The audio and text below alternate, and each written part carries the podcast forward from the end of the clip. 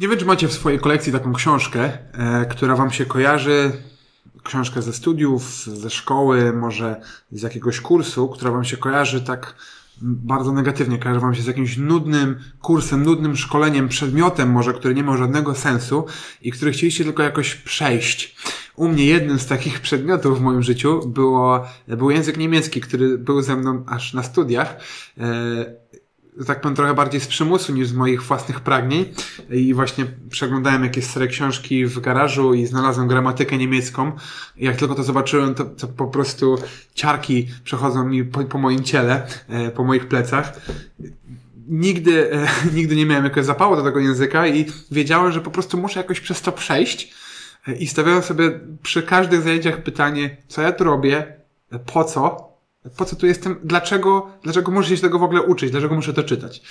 E, I, i bardzo często, gdy czytamy Biblię, czytamy Pismo Święte, jedną z ksiąg, do których mamy takie podejście, a Biblia ma, zawiera 66 ksiąg, e, jest właśnie Księga Kapłańska, mm, czyli Leviticus, trzecia księga e, Mojżeszowa.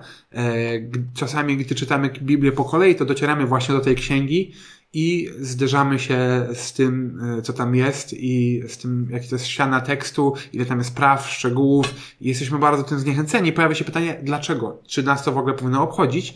I myślę, że powinno, ale trzeba rozumieć, o czym ta księga jest. A więc trzecia księga Mojżeszowa, księga kapłańska, czy Leviticus, czyli z greckiego, ze Starego Testamentu, rzeczy odnoszące się do kapłanów. Ona jest naturalną kontynuacją tego, co czytaliśmy dotychczas w księdze rodzaju i księdze wyjścia. Poznajemy tam ród e, Abrahama, którego Bóg wybiera i mówi, że wyprowadzi z niego szczególny naród i jego rodzina trafia do Egiptu, tam trafia do niewoli, zostaje niewolnikami e, i ona jest wyprowadzona przez Mojżesza, to już jest wielki naród, trafia na pustynię pod górę Synaj i tam Bóg daje im swoje prawo. E, oni je odrzucają, najpierw są nieposłuszni, e, e, ostatecznie stawiają przybytek i Bóg będzie pośród nich. I teraz w Księdze Kapłańskiej Bóg przemawia i nakazuje im pewne rzeczy związane z ich kultem, czy rytuałami, jakie mają mieć. Bo cała księga to właśnie lista praw i rytuałów.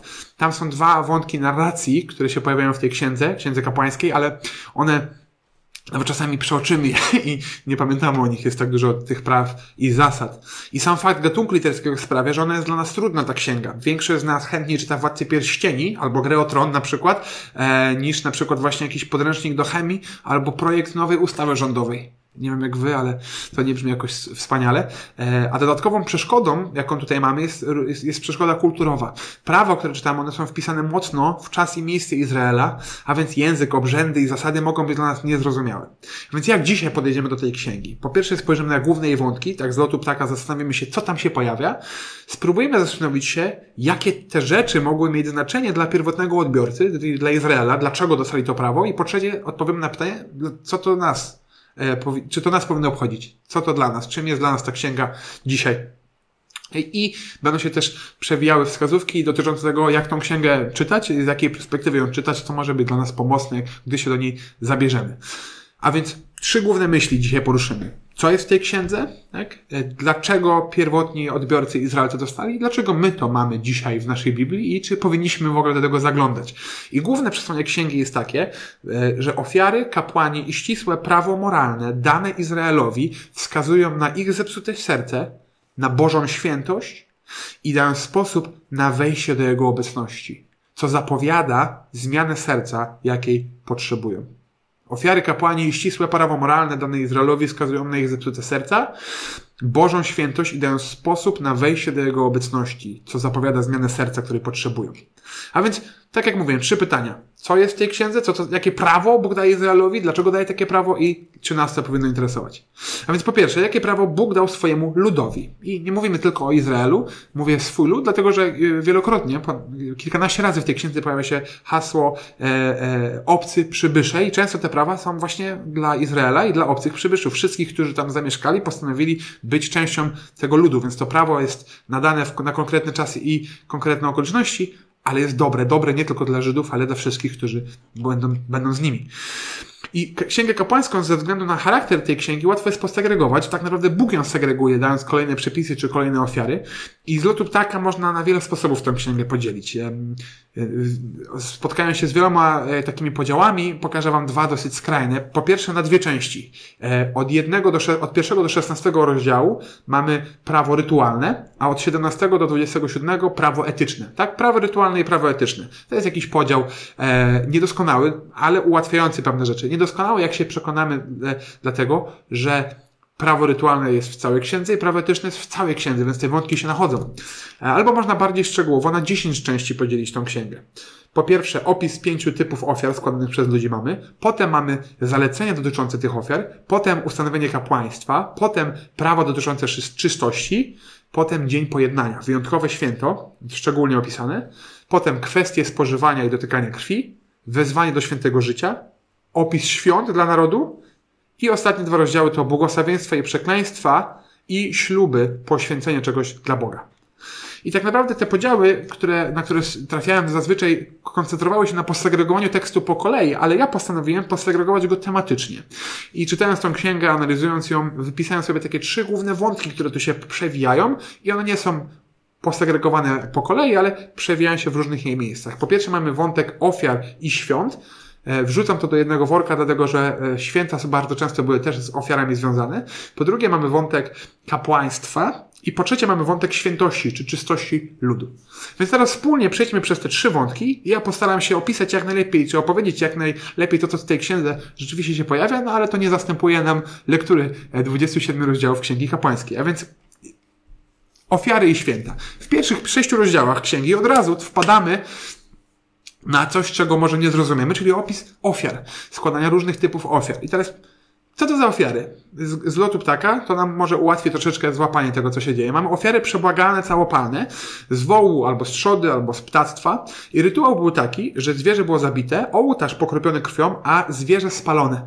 I one były składane przy różnej okazji, ale co było ważne, to to, że to była woń przyjemna dla Pana, spalenie czegoś dla Boga. E, drugi typ ofiar to ofiary z pokarmów. E, ciasto wyrabiane z mąki i z oliwy w taki podobny sposób, bez zakwasu, jak przy wyjściu z Egiptu. E, I to były ofiary uwielbienia Boga, oddania Mu tego, co zebrane, tego, co lud jadł. Trzeci typ to ofiary pojednania. Pojednania i teraz one są Wiele z tych ofiar brzmi podobnie i wygląda podobnie, ale odnosi się do różnych rzeczy. Znów e, e, bydło lub trzoda lub koza, ten kto składa, kładzie rękę tak, na to zwierzę, ono jest zabite, spalone, ale nie całe, ponieważ jest to posiłek, taki trójstronny posiłek niejako pomiędzy składającym, e, kapłanem i Bogiem, czyli te ofiary mogły być, mieć różny cel, ale one symbolizowały relację, wspólnotę, pokój Boga z, ludźmi, z ludźmi. Czwarte to ofiary za grzechy. Grzechy popełnione nieświadomie albo niedopełnienie jakichś obowiązków, niedopatrzenie czegoś. I tutaj mocnym symbolem było e, e, pokropienie zasłony w przybytku, w namiocie, krwią zasłony, które symbolizowały te miejsce najświętsze, oddzielone od reszty ludzi, oddzielone od całego społeczeństwa, miejsce, najświę miejsce najświętsze, do którego można było wejść w wyjątkowych okolicznościach tylko. I ta ofiara przypominała, że błagamy Boga, aby nam ten grzech wybaczył, czy ten lud miał to robić, i ofiary pokutne. E, podobne do ofiar prze, tych, tych przebłagalnych, ofiar za grzech, przepraszam, ofiar za grzech, ofiary pokutne, ale może odnosiły się do jakichś większych wykroczeń na przykład. I później mamy opis tego, E, e, jakby szczegółowych zasad, jak przy podsumowania tych e, zasad dotyczących ofiar, tego jak składać, rzeczy bardzo techniczne. Ale to nie jest jedyne miejsce, tak jak mówiłem, mamy jeszcze święta, które są połączone z ofiarami. Więc mamy w 23 rozdziale listę świąt, jakie ma lud obchodzić, a zaraz cofniemy się do rozdziału 16. Więc znów święta. I co jest ciekawe, to te, te święta może o nie kojarzymy, może y, teraz je zapamiętamy, może nie, ale ważne jest, y, co one sprawiały. Więc jakie to święta? Po pierwsze, sabat co tydzień, przypomnienie stworzenia i ratunku. Tak? Przypomnienie odpoczynku, który, podobnego do tego, który miał Bóg, ale też wyprowadzenia z Egiptu. Po drugie, Pascha i Święto Prześników. Znów wyjście z Egiptu, baranek paschalny, ofiara zastępcza za ludzi. Trzecie święto żniw, pierwocin, czyli dziękczynne święto ofiarowania Bogu tego, co zebraliśmy. Święto pięćdziesiątnicy, czyli ofiara pięćdziesiąt dni po święcie Paschy. Święto trąb, e, uwielbienie, tak, granie na trąbach. W naszym wypadku to byłoby święto śpiewania, śpi głośnego śpiewu, e, albo głośnego grania i śpiewania na przykład. Mm, e, święto, e, e, e dzień, przepraszam, dzień pojednania, o który, do którego zaraz przejdziemy, i święto szałasów, przypomnienie, że mieszkali w szałasach. Oni w tym momencie wciąż mieszkają w szałasach na pustyni. I święta napędzały kalendarz Izraela.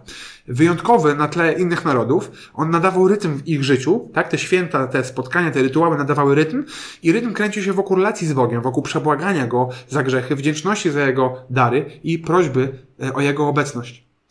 I ciekawe jest to, że mamy później rozdział 25, który przedłuża, jest pewnym przedłużeniem tych e, kwestii świąt, ale on się odnosi do rytuału e, dbania o ziemię. Wprowadza rytm pracy, który pozwala ziemi odpoczywać. W ogóle rolniczo bardzo dobry, tak? Bo po pierwsze, co 7 lat miało być, Ziemia miała odpocząć, a co 50 lat był wyjątkowy rok jubileuszowy.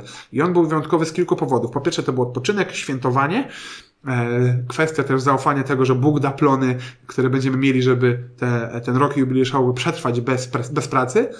E, ale on był też wyjątkowy, bo wtedy wszystkie długi były automatycznie spłacane i jeżeli ktoś był niewolnikiem, tu zaraz wytłumaczę w jakim sensie, to przestawał być. No właśnie. No normalne w tamtym kontekście kulturowym było zostawanie, e, czy oddawanie siebie e, i całej swojej rodziny w niewolę, może nawet bycie branym w niewolę w sposób taki brutalny.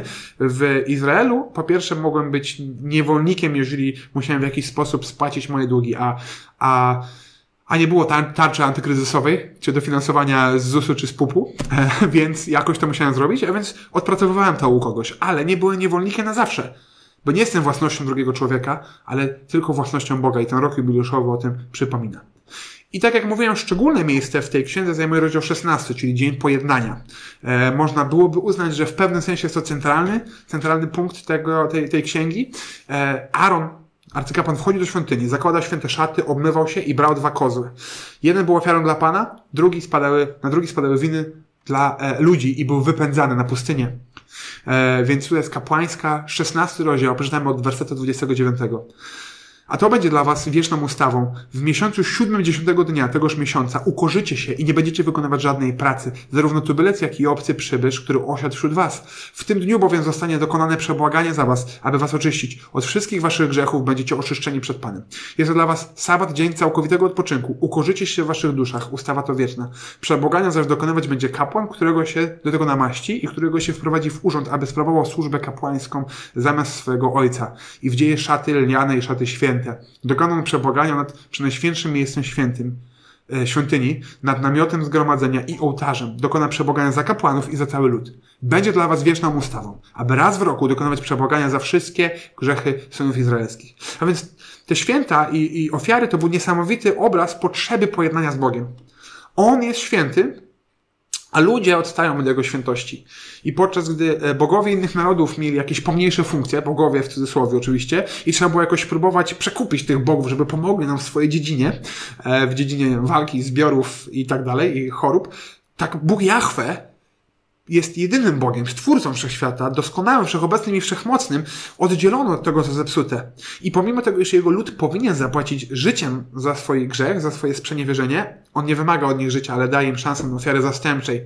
I gdy barbarzyńskie narody dookoła składają ludzi w ofierze, nawet dzieci, Izrael e, składa zwierzęta. I drugi wątek w tej księdze to kapłaństwo, czyli e, wątek tytułowego kapłaństwa, który przewija się w kwestii składania ofiar, ale też mamy szczegółowy opis tego, pewnych wymogów moralnych od nich, ale także opis tego, jak zostali wprowadzeni w swój urząd. I w rozdziałach 8 i 10, tak, po tej pierwszej sekcji dotyczącej ofiar mamy właśnie opis wprowadzenia Arona i jego synów na urząd kapłanów. Jest, on też, to też jest wszystko szczegółowo opisane. Mojżesz ubiera kapłanów, oni kładą ręce na cielcu, zostaje on zabity za ich grzech. Baran zabity, ofiara całopalna dla Pana, baran ofiary wyświęcenia, tak, czyli jeszcze oni, jakby jest ofiara, żeby ich wyświęcić do ich, na ich urząd w jakiś sposób i Mojżesz też dokonuje tego rytuału i ich wyświęcenie e, trwało 7 dni. To była stała praca u wejścia do namiotu. I mija 7 dni od tego wyświęcenia i wówczas kapłani składają ofiarę za siebie i za lud. Jeszcze są u wejścia do namiotu, jeszcze nie są w namiocie. I Możesz i Aaron wtedy, uwaga, weszli do namiotu i spotkali tam Pana.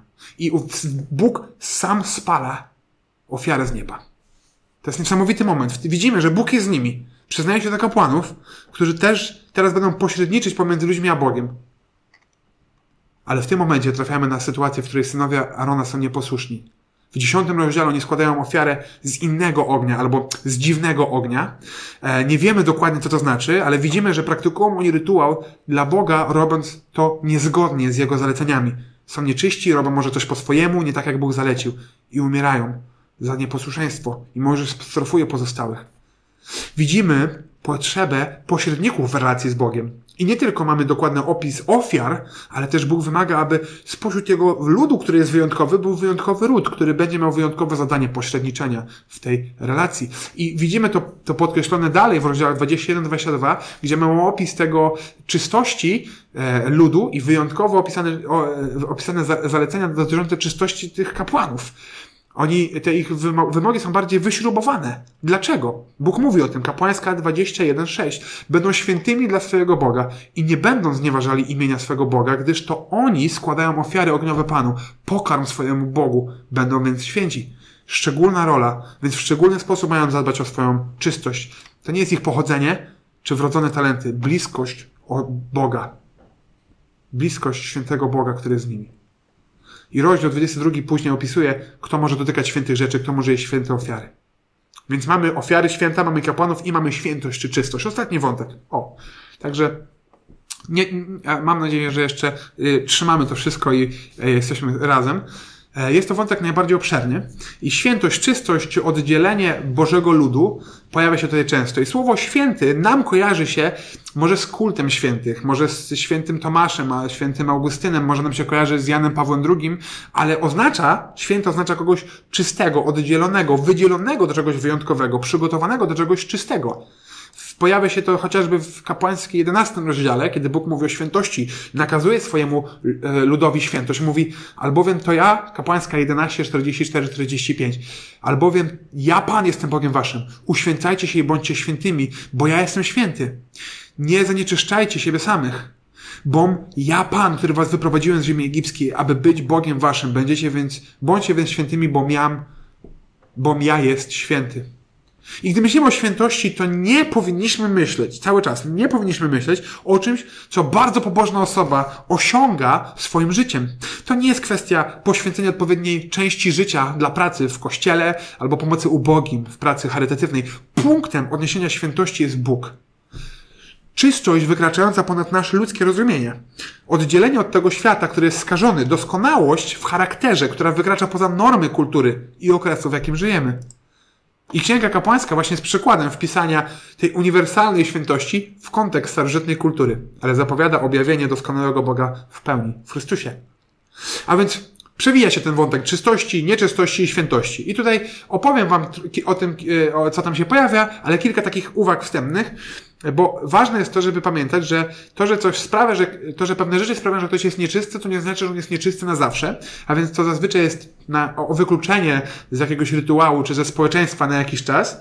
I to też nie oznacza, że ktoś jest e, gorszy. To nie jest rzecz poniżająca, bo to jest rzecz często naturalna, normalna. I różne rzeczy sprawiały, że ktoś się stawał nieczystym, tak?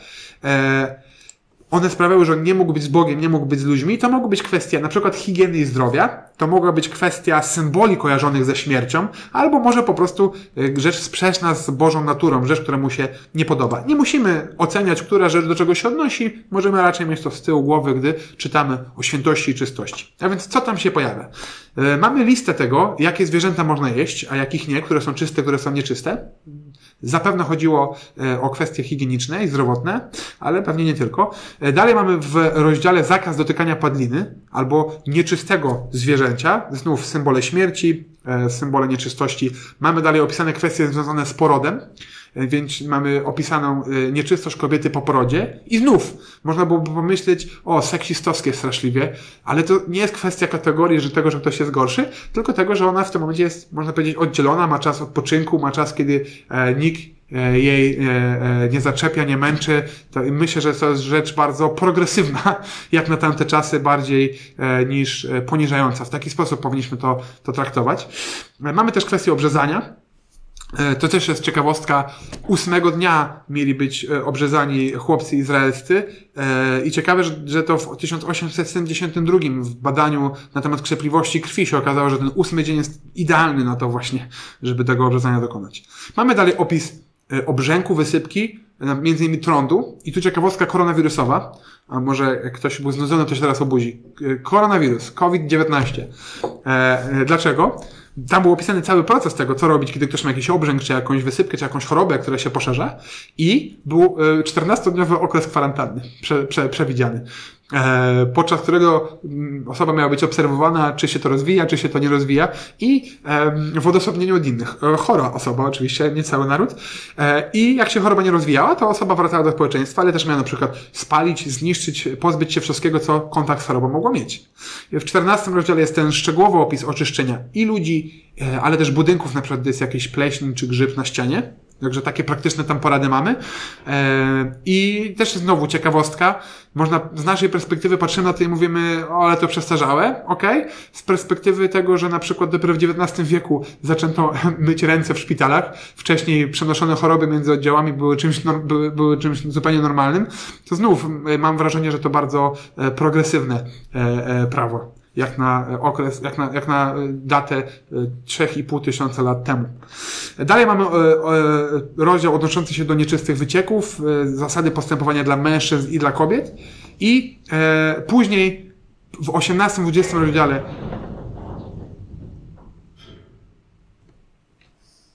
Uf, e, przepraszam, to coś wiatr za oknem zrywa mi. E, w 18-20 rozdziale jest powrót do kwestii czystości e, i pojawia się zwrot o nie do, nie do, pojawia się zwrot o nieodsłanianiu nagości, który najprawdopodobniej odnosi się właśnie do seksu. E, może to znów zaciekawi. Jest temat seksu, pojawia się w księdze kapłańskiej. I są zakazy relacji seksualnej w najbliższej rodzinie, e, zakaz cudzołóstwa, seksu homoseksualnego, ze, seksu ze zwierzętami. Jest mocne podkreślenie o oddzieleniu Bożego ludu od otaczających narodów. Tam mówi Bóg do Mojżesza tymi słowy: Przemów do synów izraelskich i powiedz im: Ja Pan jestem Bogiem waszym. Nie czyńcie tak, jak się czyni w ziemi egipskiej, w której mieszkaliście. Nie czyńcie, według, nie czyńcie też tak, jak się czyni w ziemi kananejskiej, do której was prowadzę. Nie postępujcie według ich obyczajów. Prawa moje wypełniajcie, ustaw moich przestrzegajcie i według nich postępujcie. Ja, Pan, jestem Bogiem waszym. Przepisów moich i praw moich przestrzegajcie. Cokolwiek, człowiek, który je wykonuje, żyje przez nie. Jam jest Pan. I dalej, kapłańska 18.30. Przestrzegajcie nakazu mojego, bo nie czynić nic z obrzydliwych obyczajów jakie tu były stosowane przed wami, abyście się nimi nie skalali. A więc znów warto zauważyć, Bóg mówi o obrzydliwych obyczajach, więc Księga Kapłańska nie jest rozwinięciem tego, co robiły inne narody. Ona jest wpisana w moment czasu, ale jest Bożym prawem wpisanym w ten moment czasu, które odróżniało się od tego, co działo się dookoła.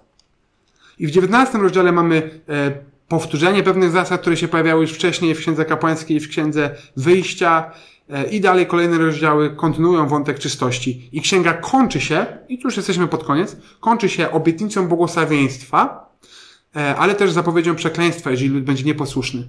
I w ostatnim rozdziale jest e, zalecenia, są zalecenia dotyczące składania ślubowania. I tak w tym momencie spróbujmy podsumować troszeczkę wnioski. Zaraz odpowiem na dwa pytania. Dlaczego to prawo dostali pierwotni odbiorcy jak ono dotyczy nas dzisiaj? Ale już teraz możemy podsumować pewne wnioski z Księgi Kapłańskiej, e, które mógł mieć e, oryginalny odbiorca, albo który mógł, e, które możemy mieć, gdy czytamy tą księgę. Proste obserwacje. Po pierwsze, Bóg jest święty, czysty, doskonały, inny od tego, co widać w tym świecie. Po drugie, dostęp do Niego wymaga ofiary. E, jest bariera grzechu, którą jesteśmy wszyscy obciążeni. Ona sprawia, że potrzebujemy kogoś lub czegoś, co zakryje ten grzech przed Bogiem.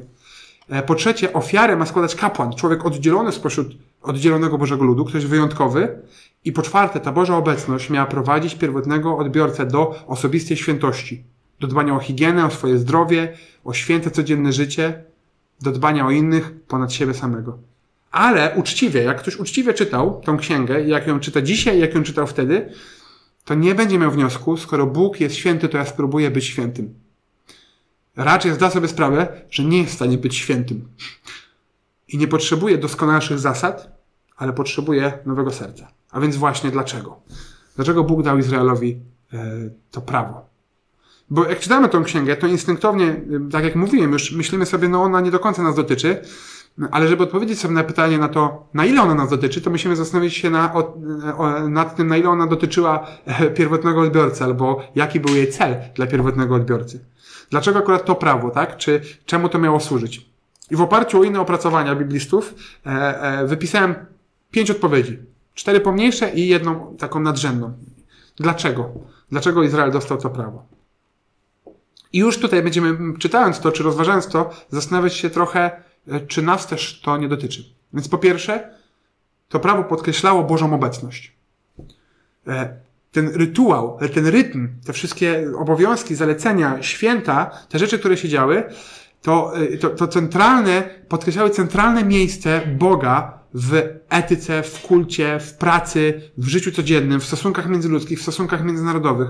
To prawo miało prowadzić naród do głębokiej świadomości tego, że Bóg jest. Szacunku przed ogromnym Stwórcą, wdzięczności za Jego dary, szukania mądrości u Niego, a przede wszystkim do szukania wybaczenia.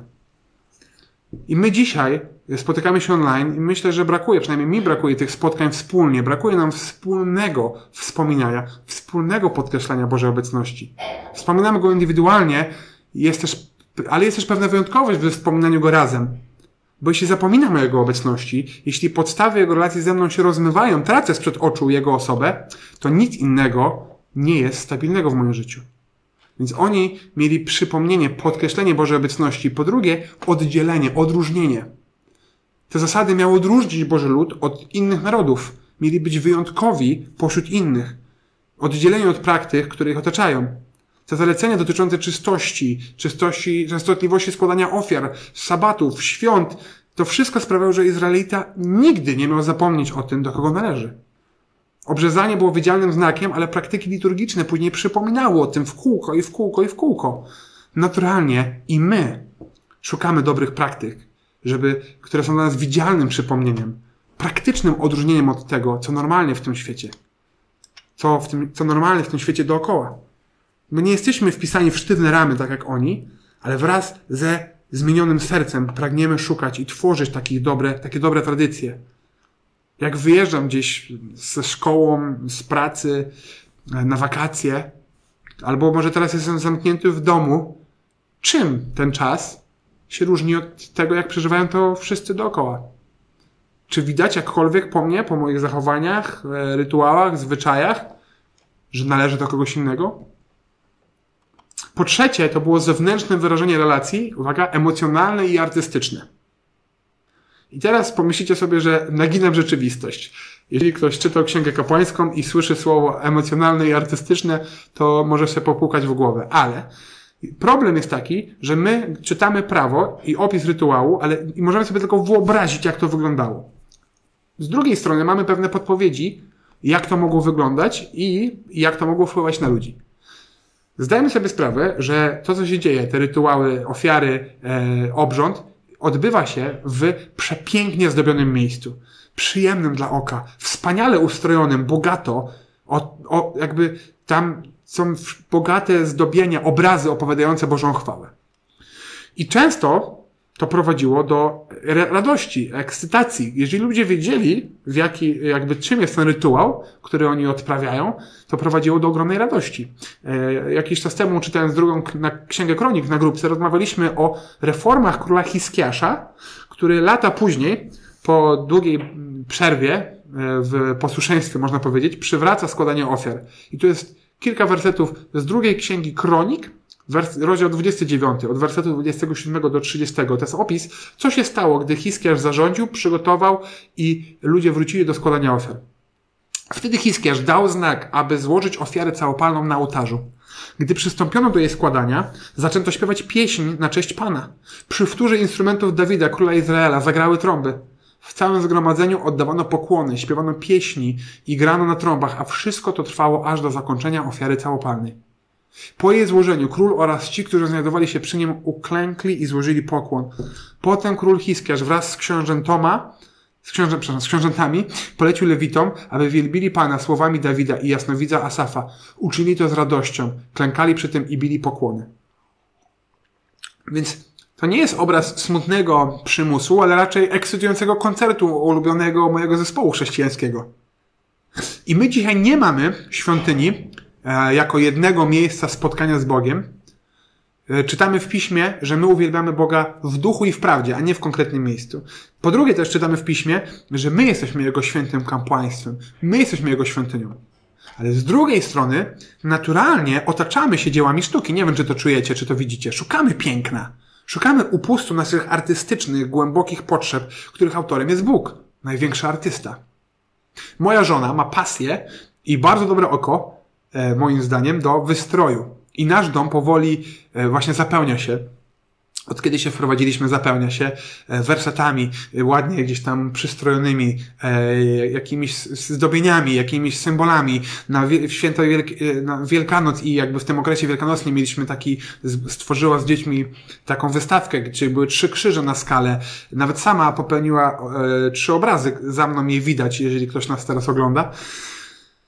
E, ale też słuchamy w naszym domu chętnie chrześcijańskich pieśni, e, jako przedłużenie naszych emocji, jako przedłużenie naszych myśli związanych z Jezusem. I to jest naturalne. Mamy potrzebę piękna. Mamy potrzebę zewnętrznego wyrażania naszych uczuć. I, i to też może wielbić Boga. Więc e, trzeci powód to było to zewnętrzne wyrażenie relacji, art, emocjonalne, artystyczne. E, czwarty powód to prawo etyczne. E, ostatnia kwestia, zanim przejdę do tej najważniejszej, to kwestie etyczne prawa. Praktyki, rytuały, szczególnie konkretne prawa miały wskazywać Izraelowi na doskonały standard moralności. W nieetycznym, zepsutym świecie, gdzie każdy był zainteresowany czubkiem swojego nosa, Boży miał świecić jak przykład dla narodów, miał być etycznym, moralnym społeczeństwem i przez tą moralność społecze... przepraszam, społeczeństwem doskonałym, bezpiecznym, sprawiedliwym, błogosławieństwem dla innych narodów. I my dzisiaj też pragniemy być święci, tak jak nasz Ojciec jest święty. Ale ponad tym wszystkim Nowy Testament wskazuje nam kluczową rolę prawa. E, tutaj, e, e, gdy czytamy te księgi Tory, tak, Starego Testamentu, pięcioksiągu, czujemy, że to prawo jest zbyt trudne. Czujemy, że w swoim naturalnym stanie człowiek po prostu nie jest w stanie przestrzegać go. Czujemy, że potrzebujemy czegoś więcej. Tak jak mówiłem na początku, potrzebujemy nowego serca, zapowiadanego już w księdze Ezechiela. I w Nowym Testamencie który przedstawia osobę Jezusa, ostateczny, najwyższy, centralny element Bożego planu, dowiadujemy się, jaki był cel prawa. I żeby to zrobić najlepiej, myślę, że najlepiej zajrzeć jest do trzeciego rozdziału listu do Galacjan. I przeczytamy kilka wersetów z tego rozdziału, gdzie apostoł Paweł właśnie roz, rozważa na ten temat, czy tłumaczy, jaki jest cel prawa. Galacjan 3:11. To natomiast, że prawo nikogo nie usprawiedliwi przed Bogiem, jest rzeczą oczywistą. Czytamy przecież, sprawiedliwy z wiary żyć będzie. A więc Paweł mówi po pierwsze, o, przypominam, Prawo nie usprawiedliwia. Nie jesteście w stanie poprzez prawo, poprzez posłuszeństwo, poprzez e, wypełnianie tych wszystkich przykazań e, być sprawiedliwi. Dlaczego? Bo nie jesteście w stanie ich wypełniać. E, jeżeli jesteście w stanie wypełniać, to, to, to, to śmiało. To samo zresztą mówi Jezus. To, gdy go pyta pewien e, młody, wierzo, młody e, wierzący z tamtych czasów, wierzący osoba religijna, co ma robić i daje mu, mówi mu, no kochać Boga i kochać bliźniego, Jezus mówi, no tak czyń. Śmiało. Przez prawo nikt nie będzie usprawiedliwiony przed Bogiem, bo nie jesteśmy w stanie go wypełnić. Więc dalej Paweł zadaje sam sobie pytanie w 19 wersecie, po co zatem prawo? Zostało ono dodane z powodu przestępstw do czasu przyjścia potomka, którego dotyczy obietnica. Przekazali to prawo aniołowi na ręce pośrednika. I podobnie w Rzymian 3,20 Paweł mówi, że prawo zapewnia po prostu właściwe poznanie grzechu. Więc gdy Paweł mówi z powodu przestępstw, czy, czy jako, tak, jako, później też mówi jako przewodnik, e, wskazuje na to, że ono, prawo wykazywało dwie rzeczy. Wykazywało, że Bóg jest święty i że ja jestem grzeszny. W prosty, jasny dla ludzi o nieodrodzonych sercach, to prawo pokazywało, e, w prosty sposób pokazywało Bożą naturę, Jego doskonałość. I z drugiej strony pokazywało, nie, że ja trochę jestem w stanie wypełnić czasem że, że prawie mi się udaje. Nie, że jestem zepsuty i potrzebuję, potrzebuję ratunku, że ta przestrzeń, ta wyrwa między Bogiem a mną jest ogromna. I dalej w Galacjan w trzecim rozdziale w 24-25 Paweł mówi, tak więc prawo było naszym przewodnikiem tak? Ponieważ pokazuje mi prawo Bożą świętość i moją grzeszną naturę, on jest przewodnikiem, ale do czego przewodnikiem?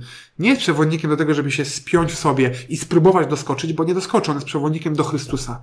Abyśmy zostali usprawiedliwieni na podstawie wiary. Nie jestem w stanie przeskoczyć, nie jestem w stanie zasłużyć, nie jestem w stanie tego osiągnąć. Muszę zaufać. Zaufać, że ten ratunek przyjdzie z zewnątrz. I on jest w osobie Chrystusa. On jedynie był doskonale temu prawu posłuszny i ukryci w nim jesteśmy święci przed Bogiem. A więc czym to prawo jest dla nas dzisiaj? Też wypisałem sobie pięć rzeczy, postaram się je sprawnie opisać, żebyśmy za bardzo ponad nasz 40 minut nie wyszli dzisiaj. Pięć rzeczy, które możemy zaobserwować studiując Księgę Rodzaju. E, przepraszam, Księgę Kapłańską.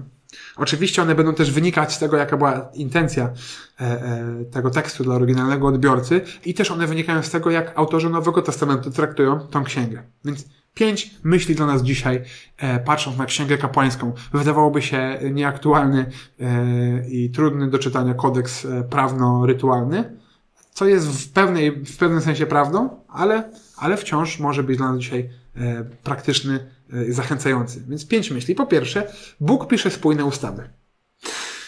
To może brzmi jak dziwny wniosek, i ja przyznaję, że to jest taki e, e, mój prywatny wniosek. Nie jest on mocno podparty innymi komentatorami biblijnymi, więc tak z przymrużeniem oka, ale pozwolę go sobie zawrzeć. I to nie jest wniosek wyłącznie dla osób, które są zaangażowane w politykę, e, a czy, aczkolwiek jasne, jak ktoś jest zaangażowany w politykę, to dobrze jakby pisał spójne ustawy, prawda? Widzimy, jak to czasem wychodzi. Spójne ustawy są fajne, ale ta struktura tej księgi, jej charakter, sama obecność księgi w Piśmie Świętym, ona niesie wnioski dla codziennego życia każdego z nas. Po pierwsze, nie bójmy się tworzyć kodeksów, regulaminów czy spisanych tradycji. Nie bójmy się tego. Oczywiście, nie stawiamy tego ponad Bogiem, ponad Jego osobą, ponad Jego charakterem, ponad Jego prawem. Ale wiedzmy, że Bóg nie jest tylko duchem, który wie jak chce. On też jest prawodawcą, on też jest królem, on też jest sprawiedliwym sędzią. Dlatego w domu, w kościele, w miejscu pracy, nawet w mojej codzienności nie bójmy się tworzyć kodeksów. Momenty najmocniejszego ugruntowania mojego życia w Bogu zawsze były związane, no może prawie zawsze były związane z pisaniem jakiegoś prawa właśnie. W cudzysłowie. Na przykład listy priorytetów w małżeństwie, listy celów w mojej służbie, listy zasad i podstaw wychowania naszych dzieci.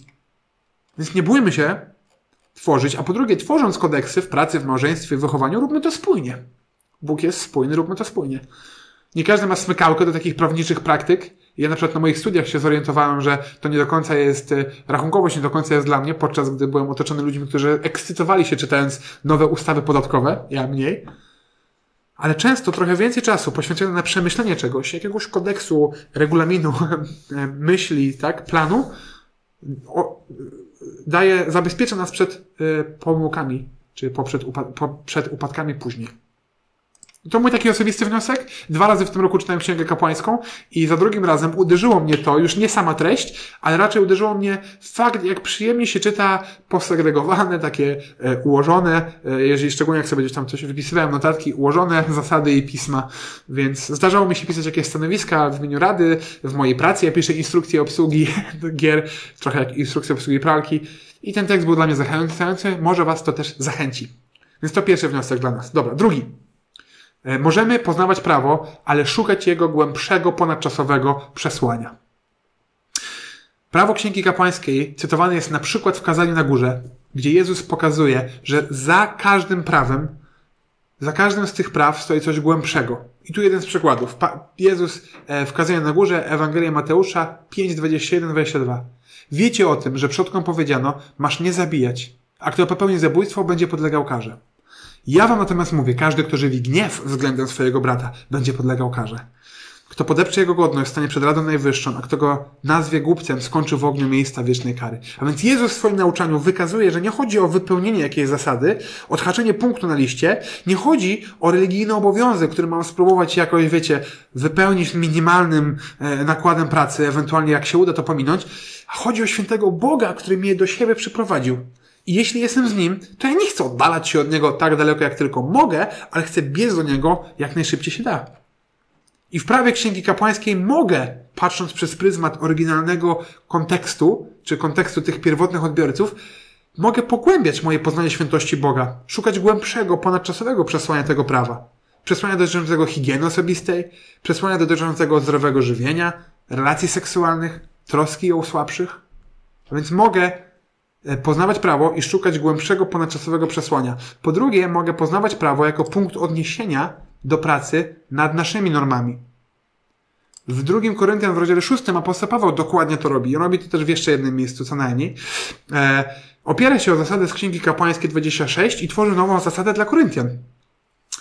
Paweł rozumie kontekst tego e, Księgi Kapłańskiej danej Izraelowi rozumie kontekst i e, jakby intencję, która za tym stoi i przenosi to na sytuację w Koryncie.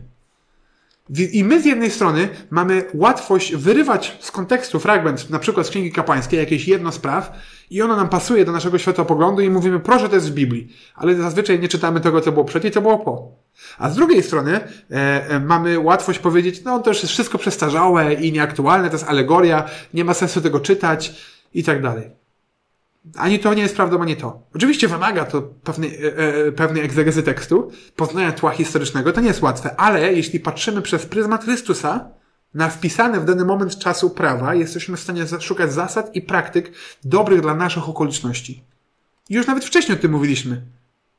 O tych praktycznych aspektach, o obrazach relacji, o oddzieleniu, o artystycznym wyrazie tej relacji, o doskonałości moralnej. Czwarta myśl dla nas. Można poznawać prawo jako przestrogę dla nas, jako obraz naszej natury. W 1 Koryntian 10 Paweł tak samo jak w 2 Koryntian 6 e, bierze, e, bierze e, fragment tego prawa i wyciąga jakąś zasadę dla ich sytuacji, ale wcześniej ma taką myśl bardzo ogólną. W, 10, w 1 Koryntian 10, 10 do 12. Ani nie szemrajcie, jak niektórzy z nich szemrali i poginęli z, rąk, e, z ręki niszczyciela, mówiąc o Izraelu. A to wszystko na tamtych przyszło dla przykładu i jest napisane ku przestrodze dla nas, którzy znaleźliśmy się u kresu wieków. A tak kto nie ma, że stoi, niech bacze, by nie upadł. Więc prawo daje nam poznanie grzechu. My nie jesteśmy w stanie przestrzegać ani dziesięciu, ani wszystkich 613 przekazań, które mamy od Boga, bo to, jest, bo są przekazane od świętego Boga. I czytanie Księgi Kapłańskiej powinno wlewać w nasze serca pokorę, która się będzie wylewała wręcz na boki. To może być dla nas przestroga, aby nie iść tą samą drogą co Izrael, ale na pewno to będzie stałe przypomnienie. Tak, aby kto nie ma, że stoi, baczył zawsze, aby nie upadł. I ta myśl, ta świadomość prowadzi do ostatniej, najważniejszej myśli związanej z księgą kapłańską. Możemy poznawać prawo, i to dotyczy księgi kapłańskiej, ale też nie, nie, tylko, bo to prawo się pojawia od księgi wyjścia aż do e, piątej Mojżeszowej. Możemy poznawać prawo jako coś, co wypełnił w moim imieniu Jezus. I tu trzy proste przykłady na koniec, trzy proste myśli już e, i zakończę modlitwą, bo e, wyszliśmy ponad czas.